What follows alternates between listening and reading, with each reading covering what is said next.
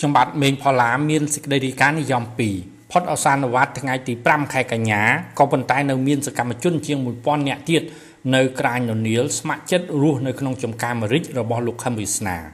និងសេចក្តីរាយការណ៍មួយទៀតនិយម2ប៉ូលីសអនុវត្តវិធានការថ្មីបន្ថែមទៅលើការផាកពិន័យចំពោះអ្នកបើកបរល្មើសច្បាប់ដោយការដកពិន្ទុលើប័ណ្ណបើកបរ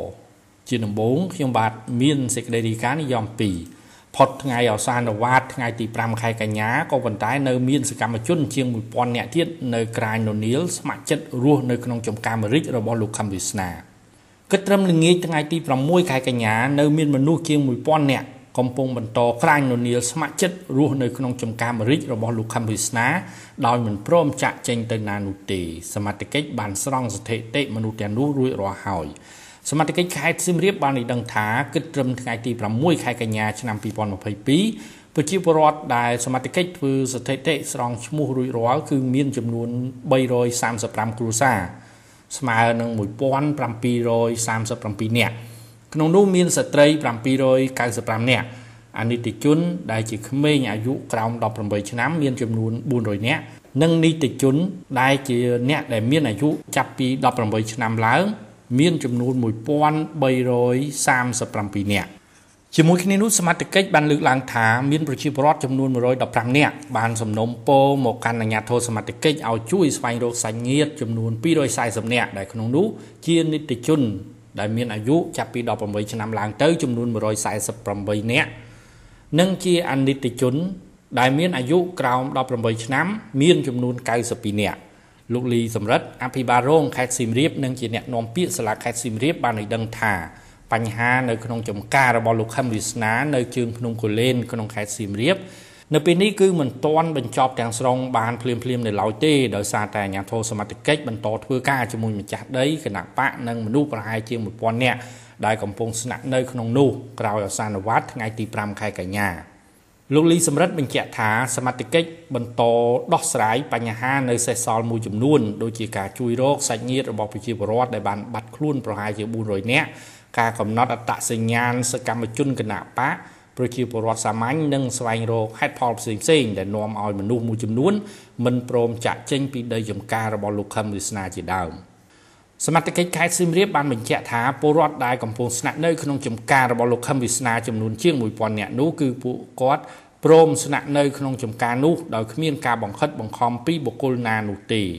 គឺពួកគាត់ស្ម័គ្រចិត្តនៅដោយខ្លួនឯងចំណែកចំណាត់ការបន្ត គឺរងចាំបញ្ជាពីថ្នាក់លើថាតើត្រូវធ្វើយ៉ាងណាបន្តទៅទៀតចំណែកឪពុកម្ដាយសាច់ញាតិដែលបាត់កូន បាត់ក្មួយនិងបាត់ប្រពន្ធបានតាមរក ដល់ចំការរបស់លោកខឹមវិស្នានៅជើងភ្នំគូលែនក្នុងខេត្តសៀមរាបក៏ប៉ុន្តែអ្នកខ្លះបានយកត្រឹមតែកូនតូចក៏ប៉ុន្តែប្រពន្ធមិនព្រមចាក់ចេញពីចំការនោះទេហើយក៏មានឪពុកម្ដាយខ្លះទៀតបានត្រឹមតែស្រែកហៅនឹងចូលជួបមុខកូនក៏ប៉ុន្តែកូនមិនព្រមវិលត្រឡប់ទៅផ្ទះវិញឡើយទោះជាត្រូវប្រឡងបាក់ឌុបនៅខែវិច្ឆិកាខាងមុខនេះក៏ដោយ សុំយកបានម៉ូតែមួយទេមួយគេអត់ម៉ូសោះក៏មិនហ៊ានបខំគេទេសម្ដេចដោយចិត្តរបស់គិនគីទៅសុំបានតែមួយព្រោះអីមេខ្ញុំជឿធ្ងន់ខ្លាំងណាស់ខ្ញុំត្រូវជាមីងក្មួយស្រីព្រោះខ្ញុំអត់សប្បាយចិត្តទេខ្ញុំចង់បានក្មួយខ្ញុំម៉ូទាំងពីរតែដល់ពីម៉ូតែមួយចេះធ្វើមិនអត់សប្បាយចិត្តបើមេឈឺគឺឈឺលេខពេទ្យនៅថៃអត់ប្រាប់ឲ្យលួចមកហ្មងលួចមកបាទលួចមកតាតាកម៉ាមួយនឹងលុយលុយប្រហែល6 7000 6 7000បាទ6 7000បាទ6 7000ដុល្លារបាទបាទ 7ប៉ុនដុល្លារឥឡូវអ៊ំចូលក្នុងបានជួបគាត់ហើយអត់ជួបទេគាត់ថាគេប្រាប់ថាគាត់នៅនឹងគាត់គេប្រកិច្ចគ្នាវាប្រកិច្ចសត្វតែស្គាល់ខ្ញុំគ្នាវានឹងសុកបីឈរជាមួយគ្នាធ្លាប់តែកដានធូបបាយចេះខ្ញុំមកហើយអាឡាប់ពី3 4រៀនអត់ឲ្យជួបទេអត់ឲ្យជួបប្រកិច្ចកេះគ្នាអានៅក្នុងកន្លែងអីគេគេហៅកន្លែងអីកន្លែងចកាចាស់ការមកប៉ាក់ខ្លៃស្រាក់ហើយជួបវាខ្លៃស្រាក់អាកម្មសាហ្នឹងអត់អត់បានជួបទេគេអត់ឲ្យជួបគេផ្សាយឈ្មោះមកប៉ុន្តែក្មួយមិនមកជួបទេ បាទព្រោះអីប្រហែលជាខ្ញុំជឿថាគាត់មិនមកជួបព្រោះខ្ញុំគាត់តែប្រាប់ថាខ្ញុំគាត់តែចង់ជួបឲ្យដឹងសុខទុក្ខគាត់ប៉ុណ្ណាចាព្រោះអី7ឆ្នាំយើងអស់7ខែយើងអត់ដឹងពីសុខទុក្ខគាត់មិនទេយើងចង់ថាគាត់មានសិទ្ធប៉ុន្តែយើងចង់ជួបគាត់និងយើងចង់ថាគាត់ចេញចូលផ្ទះបានដឹងពីសុខទុក្ខកុំឲ្យគាត់មានការខ្លាចថាទៅផ្ទះម៉ែឪររឿងគឺអត់មានទេគាត់នៅចង់ដឹងសុខទុក្ខកូនតែប៉ុណ្្នឹងឯងហើយខ្ញុំទៅចង់ជួបនឹងក៏ខ្ញុំសំណុំពោគេដែរគេប្រកាសហើយតែ គេអត់មកចេញមកជួបខ្ញុំណាអូមកចាំនេះវាតាំងពី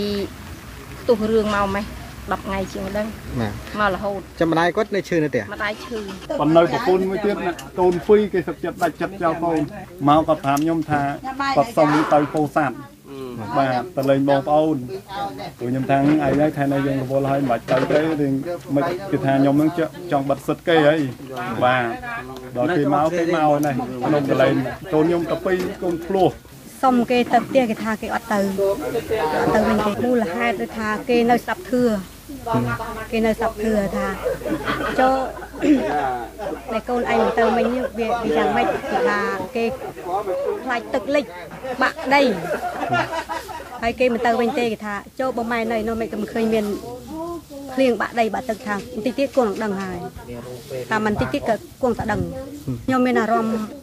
មកក្តៅចិត្តដូចថានិយាយនឹងកូនមិនស្ដាប់សូម្បីតែបន្តិចអត់ស្ដាប់សោះ